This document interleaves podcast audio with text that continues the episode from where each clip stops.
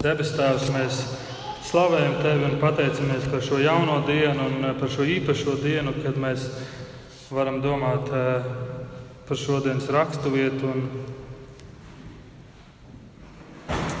Debes Tēvs, mēs ļoti lūdzam, atver mūsu acis, ieraudzīt to skaisto atklāsmi, ko Tu esi atklājis.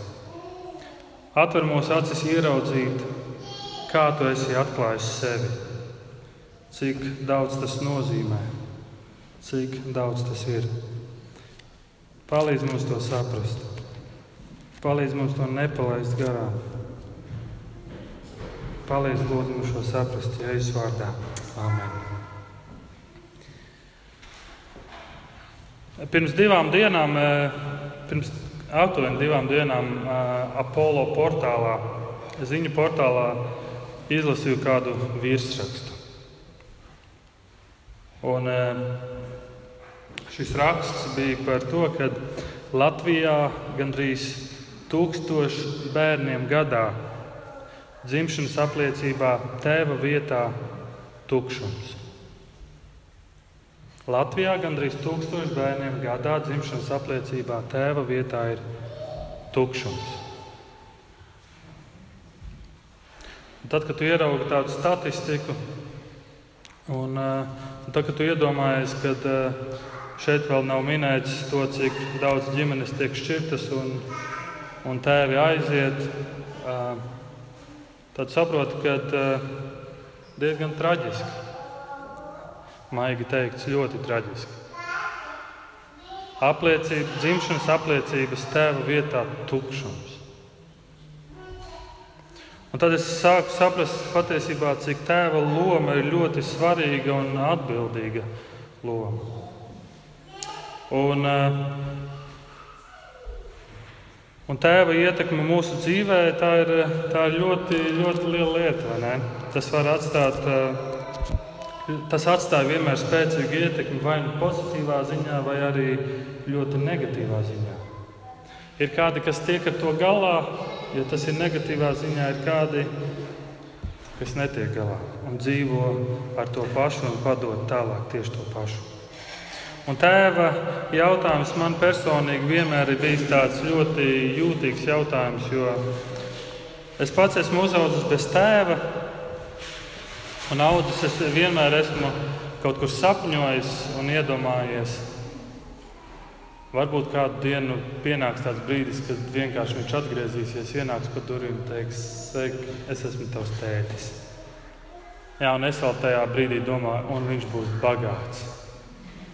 Un, ir, un es esmu bagāts. Tas bija viens no maniem bērnu sapņiem. Un sapnis nepiepildījās, kā rezultātā es sevī dziļi pateicu, man tēti nevajag. Man tēti nevajag, es varu dzīvot bez tēva.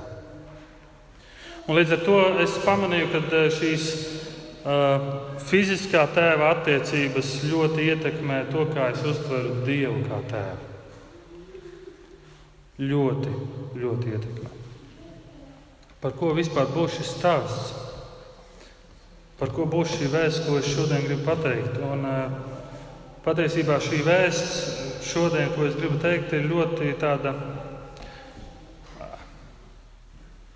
tāda pamata vēsts, kas man liekas, ir katram, katram jāsaprot. Un iespējams, kāds no jums pēc šīs svētdienas teiks, īsti līdz galam nesapratu, ko tu gribēji pateikt, vai šis ir pārāk grūti satverams.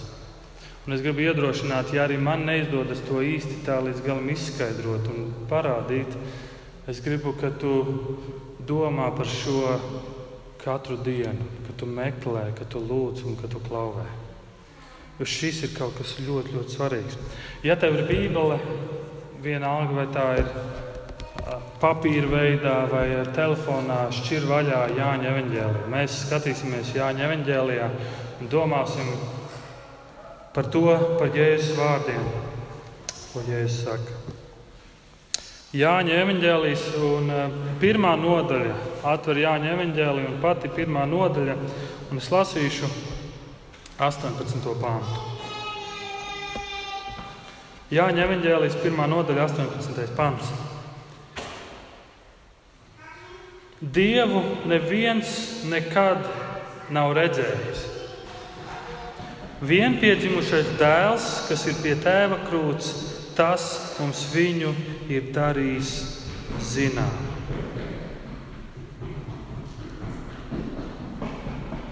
Jāņa evanģēlijs ir pēdējais evanģēlijs no četriem evanģēlijiem, un, un pirmie tādi 18 panti ir tāds kā ievads visam Jāņa evanģēlijam. Par to, kas tad būs tālāk, par ko tad Jāņa evanģēlijs būs. Un šis ievads ir tāds kā CV, CV par Jēzu Kristu. Un jau no paša sākuma, no pirmiem pantiem lasot, mēs lasām, kas ir Jēzus Kristus. Un mēs lasām, ka viņš ir radītājs.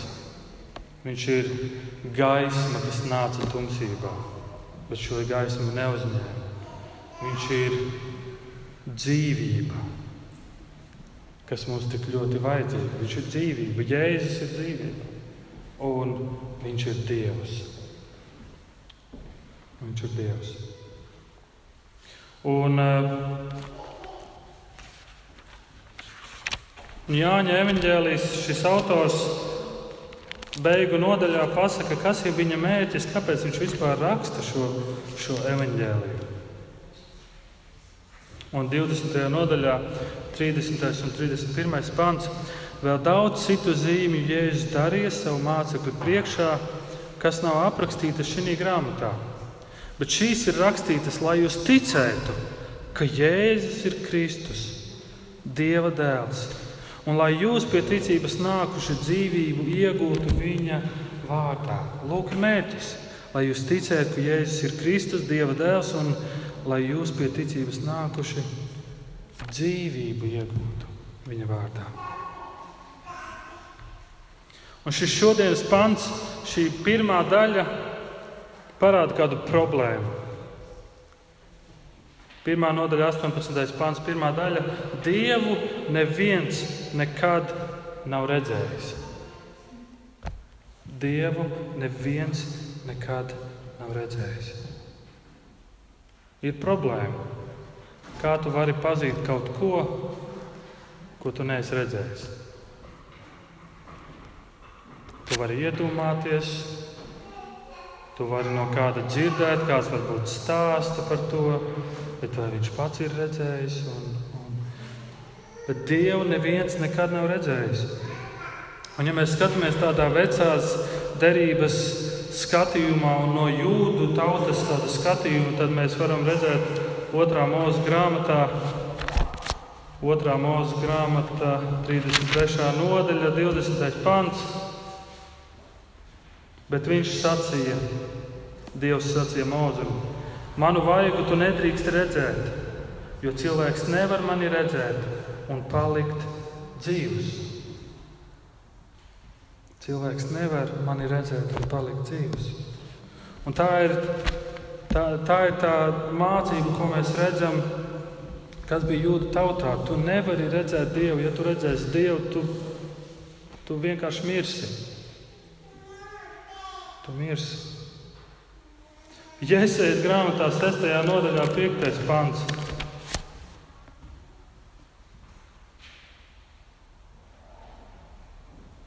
Tad es izsaucos, Jēzus redz, redz, redz parādību. Un tā, pirmais pants tādā gadā, kad nomira ķēniņš Usies, redzēja to kungu sēžam uz augsta cēla troņa un viņa tērpa apakšmala piepildīja svētnīcu. Un piektais pants, kā Jēzus to redzē, reaģēja. Tad es izsaucos, bēdas man, jo es esmu nāvē lemts. Es esmu cilvēks ar nešķīstām lūpām un dzīvoju tautas vidū, kam nešķīstas lūpas. Un tagad nu es redzēju ar savām acīm ķēniņu to kungu cebotu. Jēzus kliedz, bēdas man, jo es miršu jo es redzēju Dievu.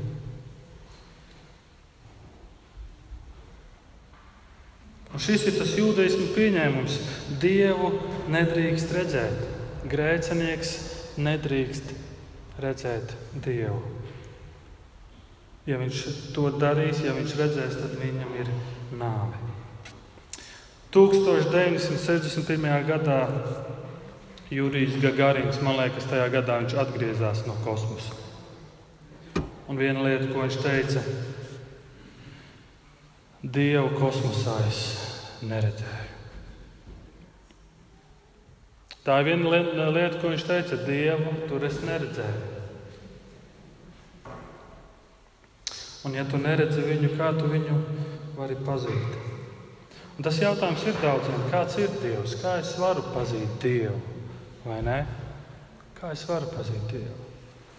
Šodienas multikulturālajā kontekstā, kad bēgļi tik daudz eh, ceļo un sanāk dažādas kultūras kopā ar dažādiem dieviem.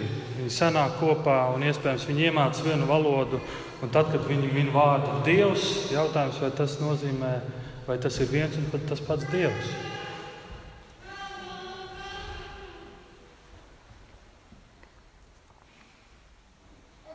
Es neesmu tā pētījis, cik Raimonda ir Rīgā. Bet, ja kāds teiktu, vai tu pazīsti Raimondu, kāds teiktu, kuru Raimondu, vai ne? Ja tu pazīsti vairākus Raimondus, kuru Raimondu? Un, Bet kā zināt, par kuru Raimondu tieši runā? Tev būtu jāzina labi uzvārds Raimons Logins. Bet Raimonda Logina arī ir vairāki, vai ne? Arī neesmu pētījis. Interesanti, vajadzētu papētīt, cik Raimonda Logina ir Rīgā vai Latvijā. Tad noteikti vairāk. Bet, ja tu uzzinātu manu stāstu, tad tas jau būtu daudz personiskāks un tu saprastu, par kuru Raimondu ir runa. Ah, Raimons, tas, kurš stučkā piedzimis, aizkrauklē tagadējā. Ak, tā, Raimons, kuram mamma sauc tā un tā, un kuram ir brālis un māsa. Un, ah, tas Raimons, kuram ir trīs meitas. Un, un tu jau redzi, ka tas ir daudz personiskāk, jo tur ir stāsts. Un tu zini, par kuru Raimondu ir runa. Un tāpēc Jāņa evanģēlīja 1. nodaļas 18. pants saka, ka Dievu neviens nekad nav redzējis. Ir problēma, mēs neredzam Dievu. Vienpiedzimušais dēls, kas ir pie tēva krūts, tas mums viņu ir darījis zinām. Un ir labas ziņas. Ir labas ziņas, un es esmu pārliecināts, ja tu pie šī padomātu, kas ir tas, ko Jēzus ir atnācis paveikt un darīt, viņš ir atklājis mums Dievu. Viņš ir atnācis, lai parādītu, kāds ir Dievs. Jāņa 6. un 14. nodaļa tur rakstīts, ka Jēzus pazīst Dievu. Viņš ir pie viņa labās rokas, viņš pazīst viņu personiski. Tāpēc Jēzus ir vienīgais, kurš spēj atklāt mums Dievu un parādīt, kāds viņš patiesībā ir. Paskaties eh, tajā pašā pirmajā nodaļā, 14. pantu. Un vārds tapa miesa un mājoja mūsu vidū, un mēs skatījām viņa godību, tādu godību kā tēva vienpiedzimušā dēla, pilnu žēlastības un patiesības. Un vārds tapa miesa. Un vārds, iesākumā bija vārds, vārds bija pie Dieva, un vārds bija Dievs. Pirmais pants saka, un 14. pants vārds tapa miesa. Dievs kļūst mums līdzīgs un mājoja mūsu vidū. Un šis vārds mājoja, jeb veidoja telti, vecajā derībā ir, mēs redzam, ka Dievs izvēlas savu tautu, un Dievs saka, es gribu mājot savā tautā. Un viņš uzbūvē telti, un šajā teltī īsti neviens nevar iet, tikai īpaši cilvēki. Bet Dievs mājoja. Dievs mājoja, un šeit ir tas pats vārds mājoja mūsu vidū. Dievs kļūst mums līdzīgs un nāk un viņš mājo mūsu vidū. Dievs nāk un sevi atklāja. Bet jūs ziniet, tas patiesībā nav tas, uz ko es tādu uzsvaru varbūt gribu likt. Un man liekas, šis 18. pants un arī visi Jāņa evanģēlijas un visa jaunā darība liek kaut ko vēl vairāk. Paskaties 12. pantu. Tā pati pirmā nodaļa, 12. pants. Bet cik viņu uzņēma, tiem viņš deva varu kļūt par dieva kalpiem, dieva darbiniekiem, dieva studentiem, dieva sekotājiem. Dievs to varēja nosaukt dažādos veidos, vai ne? Dievs varēja teikt, ja jūs man ticat, es jūs darīšu, jūs būsiet mani kalpi. Dievs tā varēja darīt. Varēja, viņš taču ir Dievs. Jūs, vai mani studenti, vai mani sekotāji. Bet skatieties, ko Dievs šeit izvēlas. Kādu vārdu viņš izvēlas? Bet cik viņu uzņēma, tiem viņš deva varu kļūt par Dieva bērniem.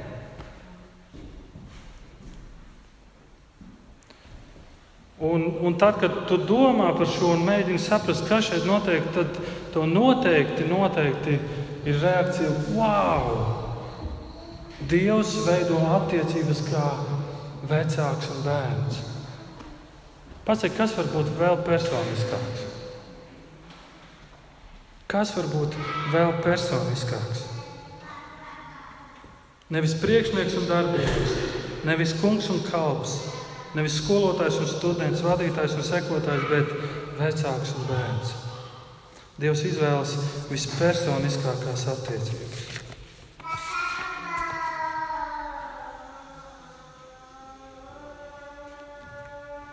Un, un kādā veidā Jēzus atklāja mums tēvu, kādā veidā Jēzus atklāja mums šīs attiecības?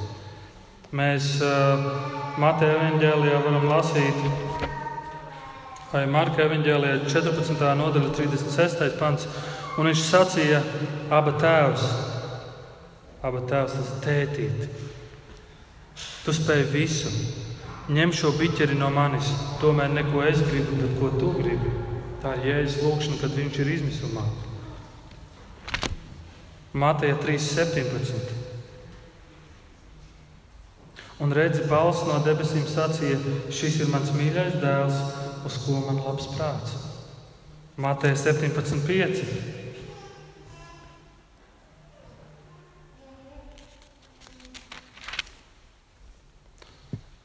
Tām vēl runājot, redzi spožu padebesis to sapēnoja un redzi balss no padebesis sacīja: Šis ir mans mīļais dēls, pie kura man labs prāts. To jums būs klausīt. Katrā vietā, kur Dievs balsī runā uz Jēzu, katrā vietā Dievs saka, šis ir mans mīļais dēls. Es viņu mīlu, un man par viņu ir prieks. Un savā ziņā lūk, kur ir tēva uzdevums. Saviem bērniem tā, daudz, daudz teikt, es tevi mīlu, un man par tevi ir prieks. Un savā ziņā tas sāk veidot identitāti, tavu identitāti. Tēvs mani mīl, un viņam par mani ir prieks. Es neesmu perfekts tēvs. Un, bet es ļoti, ļoti mīlu savas meitas. Un, mana vidējā meitiņa, ejot gulēt, viņai ir tāds viens, kā to lai nosauc, stiķis, niķis. Viņa apgalvojot, ka viņa pati nevar apsekties ar sedziņu. Un uh, uzminiet, cik reizes man jāiet viņa apsekt. At, atkarībā no vakara, bet uh, citreiz, kad tu jau esi pastāstījis divas pasakas, jūs esat kopā lūguši, sabučojis, ielicis gultiņās, lai guļ, un tu jau ej un ar labu nakti jāguļ. Tēti apsedz mani!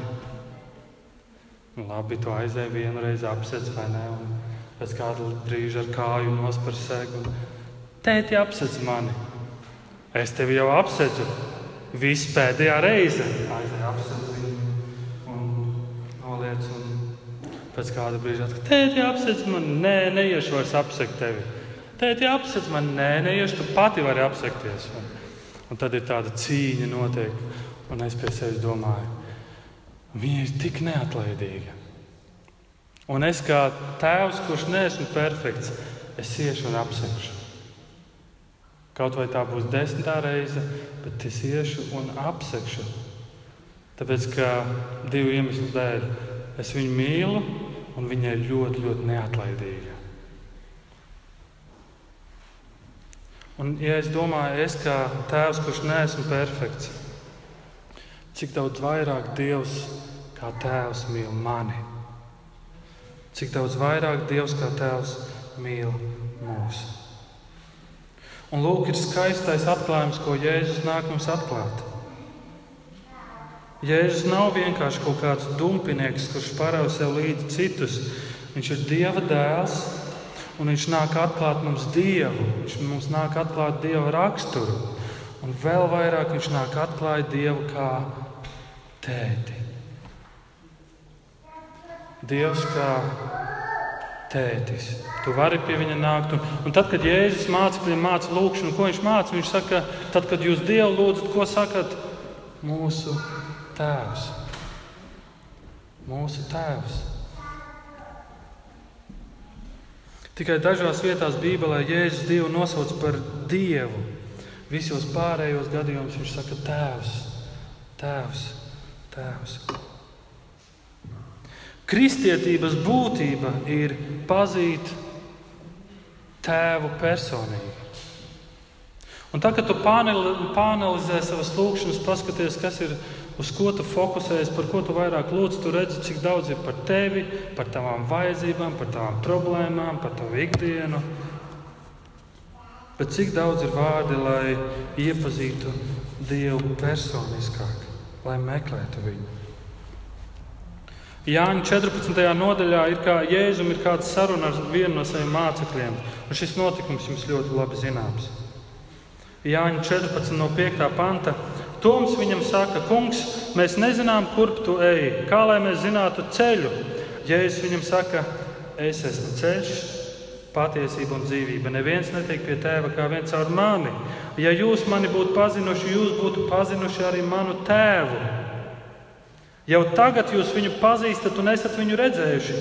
Filips viņam saka, Kungs, rādi mums tēvu, tad mums pietiek. Nu, taisnība, vai ne? Rādi mums tēvu un mums pietiek.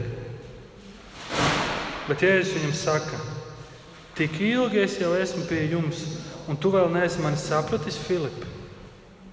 Filip, tik ilgi es esmu pie jums Un tu vēl neesi mani sapratis, kas man ir redzējis, tas ir redzējis tēvu. Kā tu vari sacīt, rādi mums tēvu? Kā tu vari sacīt, rādi mums tēvu? Un tas, ko šī saruna mums atklāja, kad pastāv iespēja,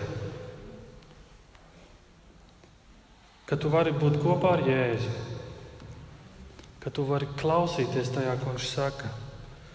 Tu vari darīt daudz labas lietas, tu vari barot nabagus, tu vari būt aizņemts ar dažādām lietām un tomēr nepazīt tēvu. Un tomēr nepazīt, un tomēr tev nav šīs personīgās attiecības. Un tā ir atšķirība. Zināt par Dievu un pazīt Dievu personīgi, vai ne? Tā ir atšķirība. Ir atšķirība, ka tu zini, labi, es šeit šodien sevi daudz mīnu ka tu zini par mani kaut ko, vai tu mani pazīsti personīgi. Un tā ir atšķirība. Dzirdēju kādu labu citātu. Tu vari zināt Bībeli, nepazīstot tēvu, bet tu nevari pazīt tēvu, nezinot Bībeli. Tu vari zināt Bībeli, tāpat laikā ir iespējams, ka tu nemaz nepazīsti tēvu personīgi. Bet tu nevari personīgi pazīt tēvu, ja tu nezini Bībeli.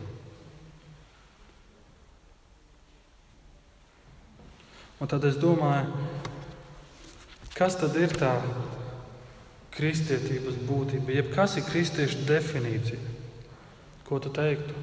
Kristietis ir tāds, kurš katru svētdienu iet uz baznīcu. Kristietis ir tāds, kurš reizi nedēļā lasa Bībeli. Kristietis ir tāds, kurš nāk un kopā dzied dziesmas. Vai tā ir kristiešu definīcija? Bet man liekas, kristietis ir tas, kurš pazīst tēvu personīgi. Kristietis ir tas, kurš pazīst tevi personīgi. Un šeit parādās tāda kristietības problēma. Daudz cilvēku noteikti teiktu, viss jau kārtībā ar to kristietību, tikai viena problēma. Kristietība ir pārāk personiska. Viņa spiež pārāk uz šīm attiecībām. Kristietība ir pārāk personiska, tā pārāk daudz no manis prasa. To es nevaru. Ir līdz kādai robežai, es varu pie, piekrist, es varu piedalīties kaut kādās lietās, es varu kaut ko darīt, bet problēma ir tā, ka tā ir pārāk personiska. Tā ir pārāk personiska. Un tā realitāte ir tāda, ka, ja tev nav personiskas attiecības ar Dievu, kā tēvu, ja tu nepazīsti Kristu, Bībele nedos atbildes uz tavām dzīves problēmām. Bībele nedos atbildes un nepalīdzēs tās risināt. Tāpēc, ka tev pietrūkst kāda prioritāra lieta, tev nav attiecības. Tev nav attiecības. Un ir iespējams. Tu vari, tu dzirdi, klausies, tu dari daudz lietas, bet tev nav šīs personīgās attiecības. Es atceros, ka pirms kāda laika, kad mums Vīlandē sākās mazā, mazās grupiņas, tad, eh, tad mēs tieši runājām arī par Dievu kā tēvu. Un šīs mazās grupiņas laikā eh, es arī tā, tā atzinos, un es teicu, ka man Dievu kā tēvu ir ļoti grūti uztvert. Es teicu, no trīsvienības Jēzu es varu uztvert, jo par Jēzu ļoti daudz runāts, rakstīts. Par Jēzu mēs daudz zinām. Par Svēto garu nu, arī ir izaicinājumi, bet, bet arī tā kā tu vari zināt, tu vari saprast, tu vari uh, mācīties par to. Bet tieši par tēvu man bija visgrūtāk man bija visgrūtāk. Un es padalījos to mazajā grupiņā, un, un tad es jautāju, un es atceros, tu biji arī brālis Markus, kurš šodien, diemžēl, nevar šeit būt. Un, un es teicu, ar ko, tad, ar ko tad man sākt? Kā man veidot šīs attiecības ar Dievu kā tēvu? Kā tu domā? Un es jau šo, šobrīd, šodien joprojām labi atceros, ko viņš teica. Tā kā tu ej pie Dieva un tā kā tu runā ar Dievu, runā ar viņu kā tēti. Sauc viņu tēvs. Padomā par šo, ja tu būtu jūts vecajā derībā. Tu ne tikai vari Dievu saukt vārdā, tev ne tikai ir pieeja, tik to pieeja, ka tu Dievu skati vaigā, jo Jēzus ir atklāja mums Dievu, un mēs viņu skatām vaigā, pilnu žēlstības un patiesības, bet tu viņu vari saukt par tēti. Vai tas nav skandāls savā ziņā šai jūtu tautai? Ko tu Dievu sauc vēl par tēti?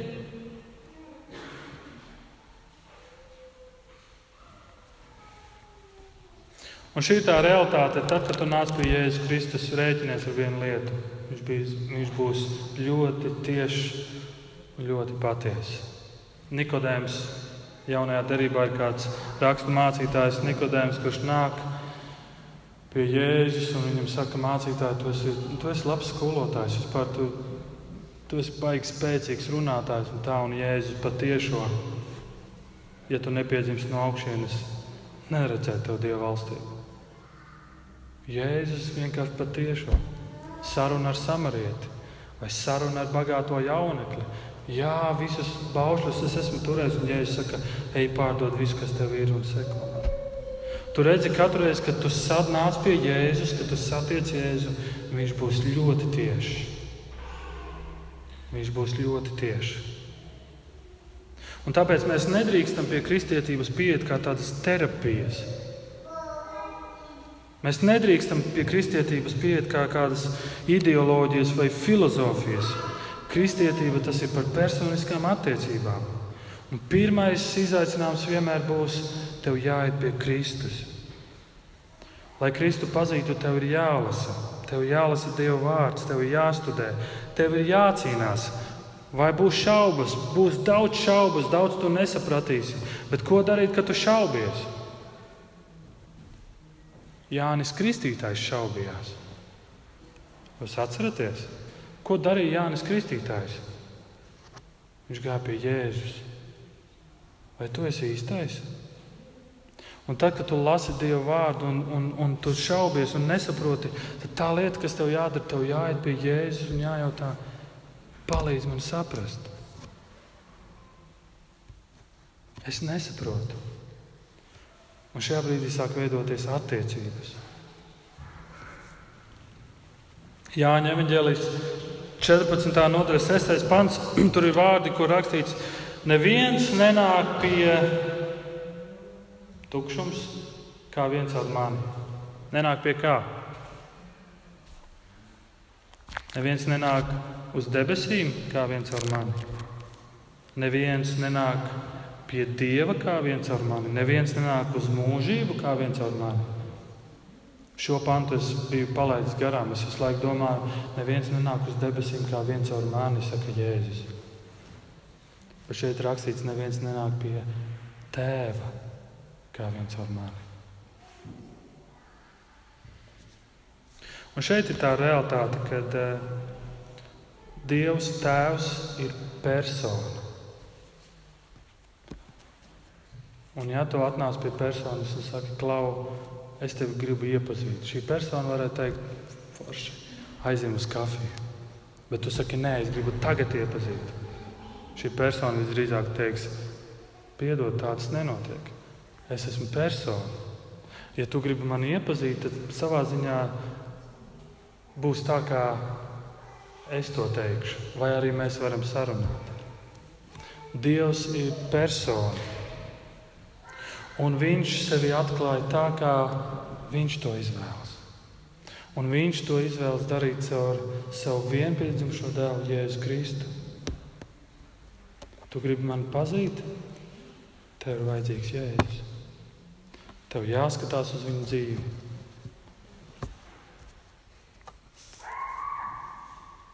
Tev jālasa, tev jāstudē, tev jālūdz, tev jārunā.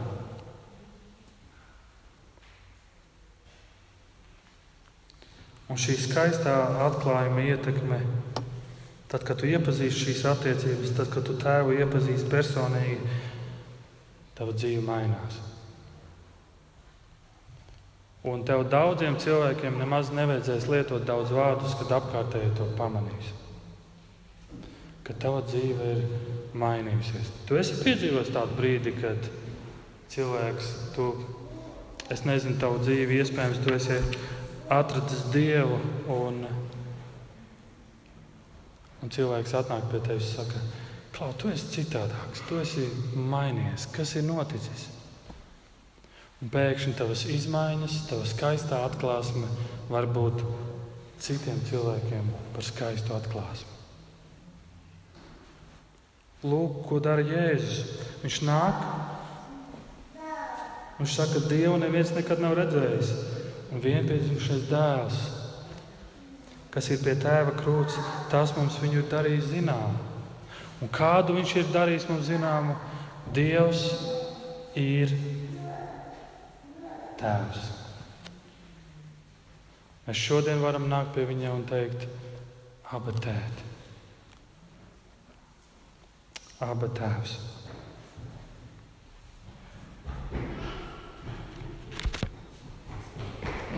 Mateja evanģēlijā 13. nodaļā ir kāda līdzība.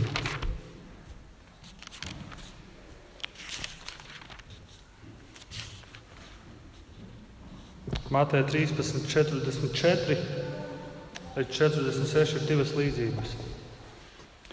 Debesu valstība līdzinās tīrumā apslēptai mantai, ko cilvēks atrada un paslēpa, un priecādamies par to, noiet un pārdod visu, kas tam ir, un pērk šo tīrumu.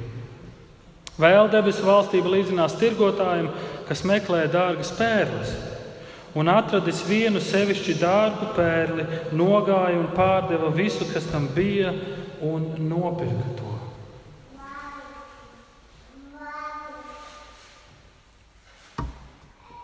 Tirgotājs, kurš atrada pērli, pārdeva visu, lai nopirktu to. Ja tev tēvu iepazīt traucē tava aizņemtība, nepaklausība, varbūt nepareizas attiecības, varbūt karjera, varbūt nauda, tad ej un pārdod visu. Jo tas, ko Jēzus saka skaidri, nav nekas svarīgāks par attiecībām ar tēvu. Un, un, un, un šeit es gribu, ka mēs domājam un saprotam, un nevis vienkārši zināt, bet pazīt. Pazīt tēvu personiski. Viņš ir persona. Viņš ir persona. Tu, tu pie personas ejot, tev, tev ir cita attieksme. Viņš nav vienkārši spēks, viņš nav ideja, ideoloģija. Viņš ir persona. Un iedomājieties, Dievs, iedomājieties, lielais Dievs, kurš ir visu radījis. Viņš nāk, atklājas, viņš nāk pie mums. Viņš saka, es esmu tavs tētis.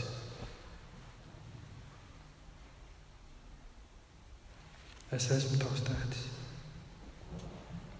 Un nobeigumā Jāņa 1. nodaļa, 12. pāns, kuru jau lasījām, bet cik viņu uzņēma? Bet cik Kristu uzņēma? Tiem viņš deva varu kļūt par dieva bērniem, tiem, kas tic viņa vārdam. Tiem, kas tic viņa vārdam. Lai tavā garīgajā dzimšanas apliecībā nav šis tukšums. Lai tavā garīgajā dzimšanas apliecībā nav šis tukšums. Jo Dievs ir tēvs, kurš neatstāja. Ja šie tūkstoši tēti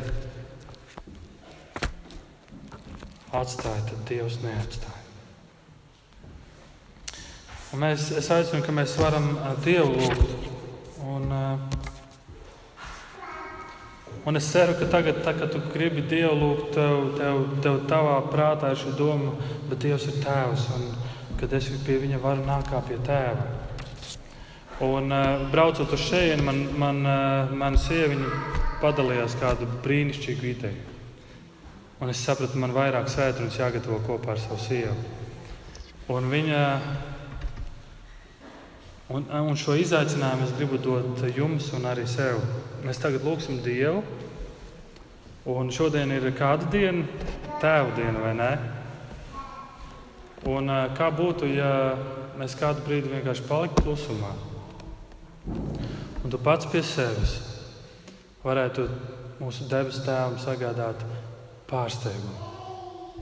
Un pateikt kaut ko tādu, ko tu varbūt ilgi esi gribējis teikt, vai tādu, ko tu ilgi neesi teicis.